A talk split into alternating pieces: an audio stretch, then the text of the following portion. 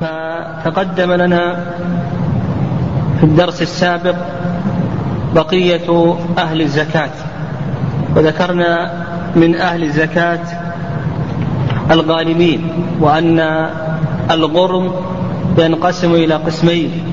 القسم الأول غارم لنفسه والقسم الثاني غارم لإصلاح ذات البين وذكرنا ما يدخل تحت كل قسم من هذه الأقسام من صور إلى آخره وما آه، آه، يستدل لكل قسم إلى آخره. ثم بعد ذلك تطرقنا إلى قول المؤلف رحمه الله السابع في سبيل الله وما المراد بسبيل الله؟ وأن أهل العلم اختلفوا في ذلك. وذكرنا أن الصواب أن المراد به الجهاد في سبيل الله. كل ما يتعلق بأمر الجهاد من رزق الجند الذين لا ديوان لهم ومما يتعلق بآلات الجهاد وكل ما يعين عليه. وكذلك أيضا ابن السبيل وأن المراد به المسافر الذي انقطع به سفره وهل يعطى المنشئ الذي يريد سفرا؟ هل يعطى من الزكاة أو لا يعطى؟ ذكرنا كلام أهل العلم رحمهم الله في هذه المسألة. ثم بعد ذلك شرعنا في باب من لا يجوز دفع الزكاة له. وذكرنا أن الصدقة لا تحل لغني ولا لقوي مكتسب إلى آخره. ثم بعد ذلك تكلمنا على قول المؤلف رحمه الله ولا تحل لآل محمد صلى الله عليه وسلم وهم بنو هاشم ومواليهم. ودليل ذلك قول النبي عليه الصلاة والسلام إن الصدقة لا تحل لمحمد ولا لآل محمد إنما هي أوساخ الناس. وذكرنا أن عبد مناف جد النبي صلى الله عليه وسلم له أربعة أولاد هاشم والمطلب ونوفل وعبد شمس. وأن الهاشميين أن الهاشميين لا يأخذون من الزكاة ويأخذون من خمس الخمس. وأما بالنسبة للمطلبيين المطلبيون فذكرنا الصواب أنهم يأخذون من الزكاة وأيضا يأخذون من خمس الخمس. وأما بالنسبة للنوفليين فهم يأخذون من الزكاة ولا يأخذون من خمس الخمس وكذلك أيضا العبشميون يأخذون من الزكاة ولا يأخذون من خمس الخمس. وأيضا تكلمنا هل للهاشميين أن يأخذوا من الزكاة إذا منعوا من خمس الغنيمة؟ أو ليس لهم أن يأخذوا منها ذكرنا في ذلك رأيين. الرأي الأول رأي جمهور أهل العلم أنهم ليس لهم أن يأخذوا. لعموم قول النبي صلى الله عليه وسلم إنما هي أوساخ الناس. والرأي الثاني رأي شيخ الإسلام تيمية رحمه الله أن الهاشميين إذا منعوا من الزكاة إذا منعوا من خمس الخمس أنهم يأخذون. إذا منعوا من خمس الخمس أنهم يأخذون الزكاة لأن هذا موضع حاجة وضرورة. وأيضا تكلمنا على مسألة وهي هل لهم أن يأخذوا الزكاة بعضهم من بعض أو ليس لهم ذلك؟ تطرقنا لها ولا؟ ها؟ تطرقنا؟ طيب ذكرنا فيها أيضا آه، قولين. أن جمهور أهل العلم ليس للهاشمي أن يأخذ زكاة هاشمي آخر. والرأي الثاني أن الهاشمي له أن يأخذ زكاة هاشمي آخر. فالرأي الأول هو قول جمهور أهل العلم والرأي الثاني هو اختيار شيخ الإسلام ابن تيمية رحمه الله. وكذلك أيضا بالنسبة للمطلبيين هل لهم أن يأخذوا الزكاة أو ليس لهم أن يأخذوا الزكاة؟ كلام المؤلف رحمه الله أن المطلبيين ليس لهم أن يأخذوا الزكاة وإنما الذي يمنع من الزكاة أن نعم كلام المؤلف أن المطلبيين يأخذون من الزكاة والذي يمنع من الزكاة هم بنو هاشم. وأما بالنسبة لبني المطلب فإنهم لا يمنعون من الزكاة. وهذا قول جمهور أهل العلم أن بني المطلب أنهم يأخذون من الزكاة لعموم قول الله عز وجل إنما الصدقات للفقراء والمساكين والعاملين عليها إلى آخره فيدخل في ذلك المطلبيون. والرأي الثاني رأي الشافعي أن المطلبيين ليس لهم أن يأخذوا من الزكاة بقول النبي صلى الله عليه وسلم كما ثبت ذلك في الصحيح إنما بنو هاشم وبنو المطلب شيء واحد. وقلنا بأن العلماء أجابوا عن هذا الحديث بأن المراد أنهم شيء واحد في النصرة. المراد أنهم شيء واحد في النصرة والمعارضة لأن بني المطلب ناصروا بني هاشم لما تعاقدت قريش على حصار بني هاشم في شعب أبي طالب. لا يبايعوهم ولا يناكحوهم ولا يعاقدوهم إلى آخره فدخل بنو المطلب مع بني هاشم في هذا في هذه آه، المناصرة. فقال النبي عليه الصلاة والسلام إنما بنو الهاشم وبنو المطلب شيء واحد. آه، قال وما وهذا هو الصواب. الصواب أن بني المطلب يأخذون من الزكاة. وعلى هذا بنو المطلب يجمعون بين أمرين يأخذون من الزكاة وكذلك أيضا يأخذون من خمس الخمس. قال ومواليهم يعني الذين أعتقهم بنو هاشم. فالذين أعتقهم بنو هاشم لا يأخذون من الزكاة بقول النبي صلى الله عليه وسلم مولى القوم منهم. قال ولا يجوز دفعها إلى الوالدين وإن علوا ولا إلى الولد وإن سكن يقول المؤلف رحمه الله لا يجوز دفع الزكاة إلى الوالدين. تكلمنا على هذا ما تكلمنا عليه؟ زين. طيب وش وقفنا عليه أجل ها؟ ها؟ الحواشي طيب. تكلمنا عن دفع الزكاة للأولاد؟ ها؟ الأولاد تكلمنا عنه طيب. آه بالنسبة لدفع الزكاة للحواشي وهم الإخوة وبنوهم والأعمام وبنوهم لأهل العلم في ذلك رأيان. أهل العلم في ذلك رأيان. الرأي الأول الرأي الأول أنه إذا كان على الش...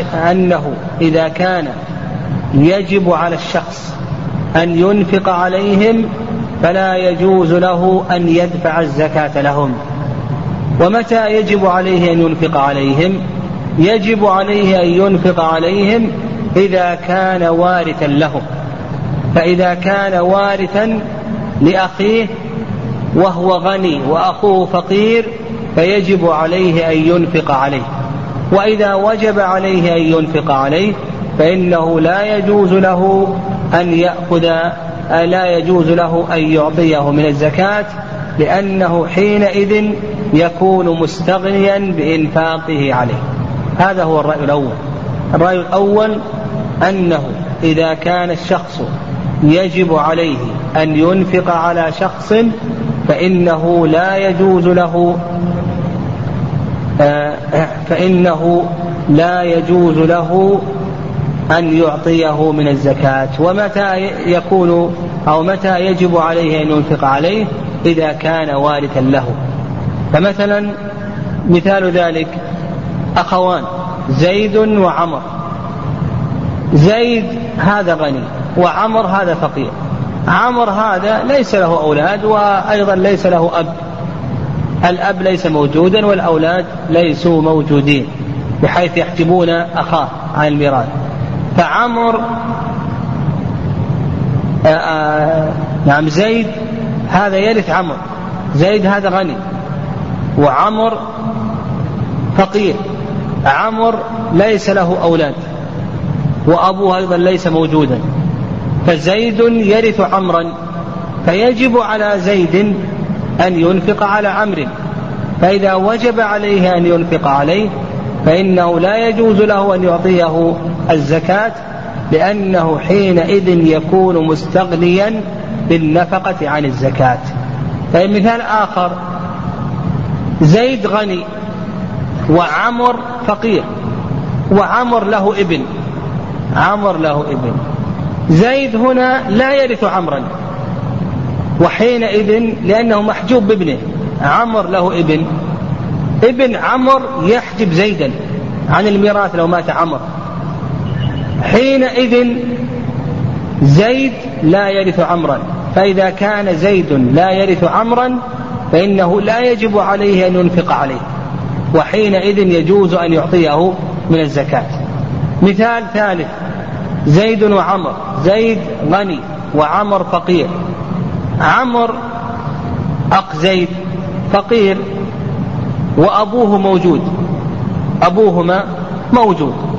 زيد الآن هل يرث عمرا أو لا يرثه؟ لا يرثه. لأن زيدا محجوب بالأب. وإذا كان كذلك فإنه يجب على زيد أن ينفق على عمرو وحينئذ آه نعم. لا يجب لا نعم. آه إذا كان كذلك فزيد لا يجب عليه أن ينفق على عمرو لأنه محجوب بالأب لكونه لا يرثه للحج وحينئذ يجوز أن يعطيه من الزكاة. هذا هو المشهور من مذهب الإمام أحمد رحمه الله تعالى. بالنسبة للحواشي يقولون إذا كان يرثه فإنه يجب عليه أن ينفق عليه وحينئذ لا يجوز له أن يعطيه من الزكاة. وإذا كان لا يرثه لا يجب عليه أن ينفق عليه وحينئذ يجوز له أن يعطيه من الزكاة. هذا هو الرأي الأول. الرأي الثاني أنه يجوز للأخ أن يعطي أخاه. وعموما يجوز أن تعطي الحواشي من الزكاة. بدون تفصيل. بدون تفصيل. يعني سواء كان وارثا لهم أو غير وارث إلى آخره فإذا كان أخاك فقير يجوز لك أن تعطيه من الزكاة. كذلك أيضا إذا كان ابن أخيك إذا كان عمك إلى آخره فقيرا فإنه يجوز لك أن تعطيه من الزكاة. وهذا هو الرأي الثاني في هذه المسألة. والرأي الأول أحوط. نعم الرأي الأول أحوط إذا سلكه الإنسان فهو أحوط وأبرى للذمة وإذا قلنا بأن الأخ يعطي أخاه من الزكاة فإنه يشترط ألا يكون هناك من ينفق عليه. لأنه قد يوجد الأب ينفق على هذا الأخ. ما يجوز أن تعطيه من الزكاة. أو مثلا الزوج ينفق على أختك. زوجها ينفق عليها أو أبوها قادر على الإنفاق حتى لو كانت متزوجة فإنه يجب على الوالد أن ينفق على ولده. وإذا كان كذلك فإنه يكون مستغنيا بالنفقة عن الزكاة. قال ولا من تلزمه مؤونته ولا إلى كافر. أيضا لا يجوز دفع الزكاة إلى الكافر. والدليل على ذلك لا يجوز طيب طيب. بالنسبة لقوله ولا من تلزمه مؤونته يدخل في ذلك الزوجة. قوله ولا من تلزمه مؤونته يدخل في ذلك الزوجة. فلا يجوز للزوج أن يدفع زكاته إلى زوجته. لأنها مستغنية بنفقته. الزوج يجب عليه أن ينفق على زوجته وإذا كان كذلك فإنه لا يجوز له أن يعطيها من الزكاة. وهذا باتفاق الأئمة.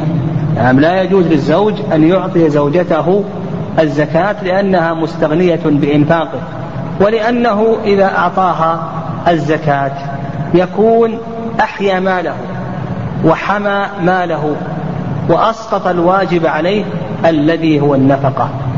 لكن يستثنى من ذلك نستثني من ذلك صورا. الصورة الأولى أن يعطي زوجته ما ما تقضي به دينا عليها الصورة الأولى أن يعطي زوجته ما تقضي به دينا عليها. فهذا لا بأس لأن الزوج لا يجب عليه أن يقضي الدين عن زوجته لكن لا يمنع الزوج منها النفقة يمنع منها الطعام والشراب واللباس ثم تستدين ثم بعد ذلك يعطيها من الزكاة لكي يسدد الدين الذي عليه. لا يقول هذا لا يجوز. يجب على الزوج أن يعطيها النفقة وإذا اقترضت يجب عليه أن يعطيها ما تسدد به هذا القرض لأن سببه ماذا؟ النفقة. سببه النفقة. فالقرض إذا كان سببه النفقة لا يجوز للزوج أن يوفيه من الزكاة. لماذا؟ لأنه يجب عليه أن ينفق على زوجته. هذه الصورة الأولى. نقول الصورة الأولى أن يقضي دينا على زوجته ليس سببه النفقة. الصورة الثانية أن يعطيها الزكاة لكي تنفق على أولادها من غيره.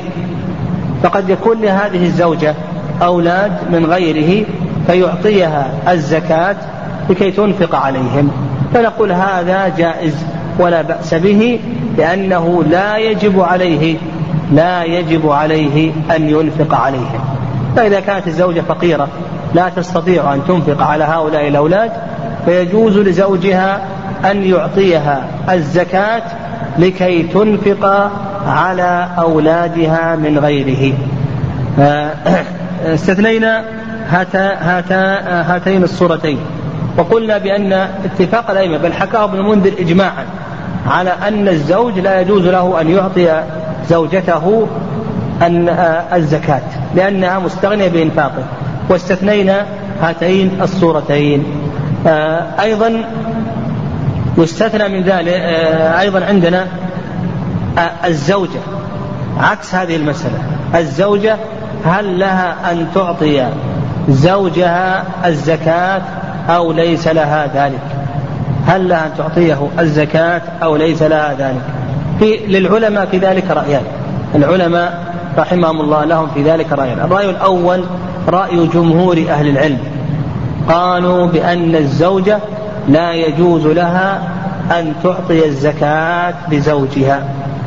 لا يجوز لها أن تعطي الزكاة لزوجها لأنها إذا أعطت الزكاة لزوجها فإن هذه الزكاة ترجع إليها فإن الزوج سينفق هذه الزكاة على زوجها.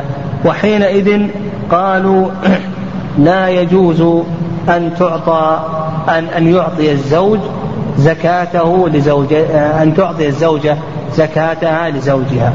الرأي الثاني رأي الإمام مالك رحمه الله تعالى أنه يجوز للزوجة أن تعطي زكاتها لزوجها لقول النبي عليه الصلاة والسلام في حديث زينب زوجك وولدك أحق من تصدقت به عليهم زوجك وولدك أحق من تصدقت عليهم.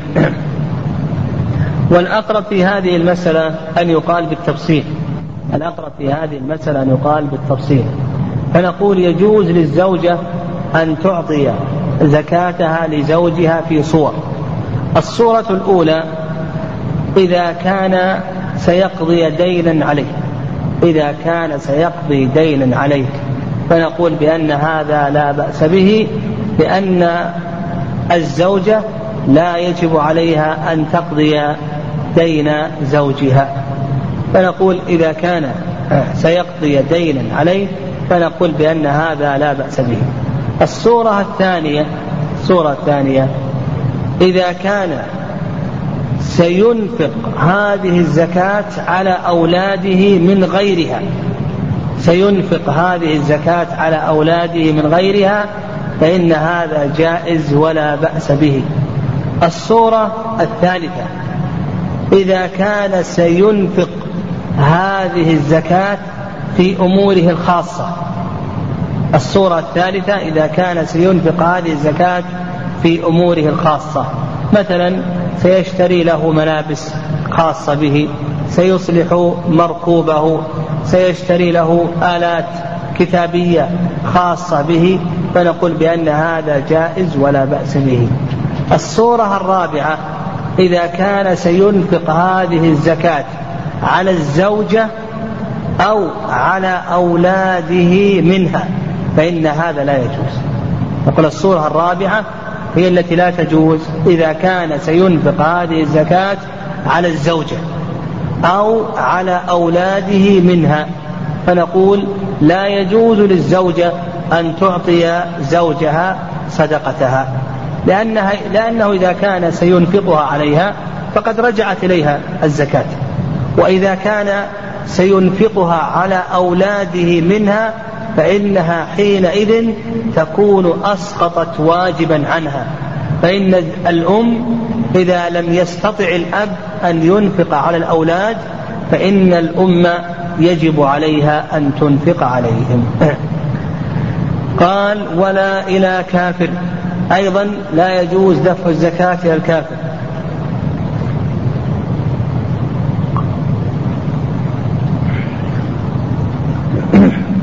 لا يجوز دفع الزكاة إلى الكافر. و نعم. دفع الزكاة لا يجوز إلى الكافر. والدليل على هذا حديث ابن عباس رضي الله تعالى عنهما في بعث معاذ إلى الجمع إلى اليمن فإن النبي صلى الله عليه وسلم قال فإنهم أجابوك إلى ذلك فأخبرهم أن الله افترض عليهم صدقة تؤخذ من أغنيائهم وترد على فقرائهم. فقال النبي عليه الصلاة والسلام تؤخذ من أغنيائهم وترد وترد على فقرائهم. فدل ذلك على أنها على أنه لا يجوز دفعها إلى الكافر. وأيضا قول النبي صلى الله قول الله عز وجل إنما الصدقات للفقراء إلى آخره فخص الله عز وجل خص الله عز وجل آآ آآ الزكاة بهؤلاء الأصناف الثمانية. لكن يستثنى من ذلك المؤلف قلبه كما تقدم لنا. فإذا كان هناك شخص قريب عهد بالإسلام وإذا أعطيناه من الزكاة فإن ذلك يدفعه إلى الزكاة فيدفعه إلى الإسلام. فنقول بأن هذا جائز ولا بأس به أن نعطيه من الزكاة. فنقول نستثني من هذه المسألة إذا كان مؤلفا. فالمؤلف يجوز أن تدفع له الزكاة حتى ولو كان ولو كان كافرا.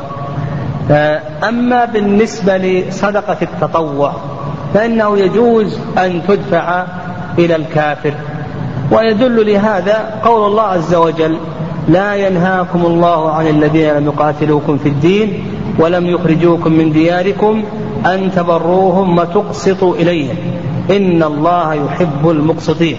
وأيضا حديث أسماء رضي الله تعالى عنها أنها قالت النبي صلى الله عليه وسلم قالت للنبي عليه الصلاة والسلام إن إن أمي أتت وهي راغبة أفأصلها؟ فقال النبي صلى الله عليه وسلم صليها. فأمرها النبي عليه الصلاة والسلام أن تصلها وهي كافرة. وصفية رضي الله تعالى عنها صفية رضي الله تعالى عنها حبست على أخ لها يهودي وعمر رضي الله تعالى عنه كسى أخا له مشركا فالصدقة على الكافر هذه لا بأس به. وبهذا نعلم أن باب صدقة التطوع أوسع من من الصدقة المفروضة. فصدقة التطوع يجوز أن تعطيها الكافر ويجوز أن تعطيها الغني وغير ذلك. هذا كله جائز ولا بأس به. ويجوز أن تعطيها لأبيك ولأمك ولإخوانك إلى آخره. فباب صدقة التطوع أوسع أوسع من باب الصدقة المفروضة. لكن لو أن شخصا أعطاك صدقة تطوعا ودل الدليل إما الدليل اللفظي أو الدليل العرفي على أنها تدفع الفقراء فإنه لا يجوز أن تعطى الأغنياء. يعني أعراف الناس اليوم إذا أعطاك صدقة تصدق بها أنك تدفعها الفقراء ما تعطيها الأغنياء. أو آه، قال لك أعطيها الفقراء فإنك ما تعطيها للأغنياء. قال فأما صدقة التطوع فيجوز دفعها إلى هؤلاء وإلى غيرهم. يعني صدقة التطوع يجوز أن تدفعها إلى بني هاشم ويجوز أن تدفعها إلى والديك وإلى أولادك. إذا أردت أن تصدق هذا كله جائز ولا بأس به ويجوز أن تدفعها للكافر وغير ذلك. واعلم أن بني هاشم بالنسبة لصدقة التطوع ينقسمون إلى قسمين. أما الصدقة المفروضة فتقدم أن بني هاشم ليس لهم أن يأخذوا من الصدقة المفروضة مطلقا. أما صدقة التطوع فهم ينقسمون إلى قسمين. القسم الأول القسم الأول النبي صلى الله عليه وسلم. فالنبي عليه الصلاة والسلام لا يجوز أن يأخذ من الصدقة شيئا. لا من الصدقة المفروضة ولا من صدقة التطوع. يقول النبي عليه الصلاة والسلام لا يجوز أن يأخذ من الصدقة شيئا. لا من الصدقة المفروضة ولا من صدقة التطوع. القسم الثاني بقية بني هاشم يجوز لهم أن يأخذوا من صدقة التطوع وأما بالنسبة للصدقة المفروضة فتقدم حكمهم. قال ولا يجوز دفع الزكاة إلا بنية إلا أن يأخذها الإمام قهرا. لا يجوز دفع الزكاة إلا بنية لأن الزكاة عبادة من العبادات. والنبي صلى الله عليه وسلم قال إنما الأعمال بالنيات. وإنما لكل امرئ ما نوى. فهي عبادة من العبادات. لا بد لها من النية. لا بد لها من نية القربة. وأيضا هذه القربة تختلف. هذه القربة تختلف. فمن فمن القربة ما يكون فرضا ومن القربة ما يكون تطوعا. من القربة ما يكون فرضا ومن القربة ما يكون تطوعا. فلا بد من النية. التي تميز بين الفرض وبين التطوع. قال المؤلف إلا أن يأخذها الإمام قهرا يعني لو أن أحدا منع الزكاة فإن الإمام يأخذها قهرا ولا حاجة إلى النية. لكن هل تجزئه؟ هل تجزئه؟ نقول أما ظاهرا فتجزئه. ظاهرا تجزئه. معنى ذلك أنه لا يطالب بها مرة أخرى. فإذا أخذها منه الإمام قهرا فإنها تجزئه ولا يطالبه بها الإمام مرة أخرى. وأما باطنا يعني بينه وبين الله عز وجل فإنها لا تجزئه. باطنا لا تجزئه بحيث أن الإنسان لا يثاب عليها ويأثم على منع هذه الصدقة. قال وإذا دفع الزكاة إلى غير مستحقها لم يجزه إلا الغني إذا ظنه فقيرا. يقول المؤلف رحمه الله إذا دفع الزكاة إلى غير مستحقها لم يجزه. فلو دفعها إلى آه، رجل يظنه ابن سبيل منقطع فتبين أنه غير ابن أنه ليس ابن سبيل. أو دفعها إلى رجل يظنه غازيا أو مجاهدا فتبين أنه ليس مجاهدا أو آه، آه، دفعها إلى إلى رجل يظنه ليس من بني هاشم فتبين أنه من بني هاشم. إلى آخره. يقول المؤلف رحمه الله لم يجزه لأنه لم يدفعها إلى مستحقها.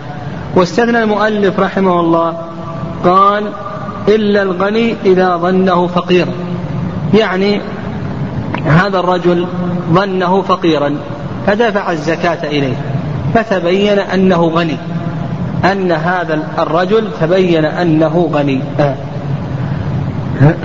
فيقول المؤلف رحمه الله بأن هذا يجزي واستدل أو دليلهم على ذلك أن النبي صلى الله عليه وسلم قال للرجلين اللذين طلبا الصدقة فرآهما جلدين. قال إن شئتما أعطيتكما ولا حظ فيها لغني ولا لقوي مكتسب. استدلوا بهذا الحديث. أن النبي صلى الله عليه وسلم لما رأى هذين الرجلين جلدين وقد طلب الصدقة قال النبي عليه الصلاة والسلام إن شئتما أعطيتكما ولا حظ فيها لغني ولا لقوي مكتسب. آه والصواب في هذه المسألة أنه لا فرق. والصواب في هذه المسألة أنه لا فرق. وأن الإنسان إذا تحرى واجتهد في طلب من يستحق الزكاة ثم وضعها في يد غير مستحقها أنه لا بأس بذلك وأنها تجزئه عند الله عز وجل. فنقول الصواب في هذه المسألة أن الإنسان إذا تحرى واجتهد في دفع هذه الزكاة إلى أهلها. ثم بعد ذلك تبين أنه ليس أهلا. يظنه مسلم فتبين أنه كافر أو يظنه فقير فتبين أنه غني أو يظنه ابن سبيل فتبين أنه ليس ابن سبيل إلى آخره نقول بأنه يجزئه ذلك. هذا هو الصواب. فنقول الإنسان إذا احتاط واجتهد لكن إذا فرط الإنسان ولم يحتط ولم يجتهد ثم بعد ذلك دفعها إلى غير أهل فنقول بأنها لا تجزئه وعليه ضمانها. آه، بقي علينا أيضا قبل أن ننتقل لكتاب الصيام. آه، بقي علينا تفريق الزكاة. نعم تفريق الزكاة. آه، الأولى بالإنسان أن يفرق الزكاة بنفسه. هذا هو الأولى. الأولى أن الإنسان يفرق الزكاة بنفسه. وهذا إذا كان يعرف المستحق ولا تشغله عما هو أهم. إذا كان الإنسان يعرف المستحق والتفريق هذا لا يشغله عما هو أهم وهذا يترتب عليه فوائد. الفائدة الأولى أنه اقتداء بالنبي صلى الله عليه وسلم. فإن النبي عليه الصلاة والسلام كان يفرق الصدقة بنفسه. النبي عليه الصلاة والسلام كان يفرق الصدقة بنفسه. وأيضا النبي عليه الصلاة والسلام أهدى مئة بدنة في حجة الوداع وذبح بنفسه ثلاثة وستين بدنة. هذا الأمر الأول. الأمر الثاني أن هذا التفريق عبادة تؤجر عليها عند الله عز وجل. الأمر الثالث أن الإنسان يطمئن إلى وضعها في مواضعها الشرعية ويطمئن إلى إخراجها. أنه يطمئن إلى الإخراج وأنها وضعت في مواضعها الشرعية. لكن لكن إذا كان الإنسان لا يعرف المستحق أو هو مشغول بما هو أهم وأعظم من تفريق الصدقات فنقول بأنه يوكل ينيب من يقوم بإخراج هذه الصدقة.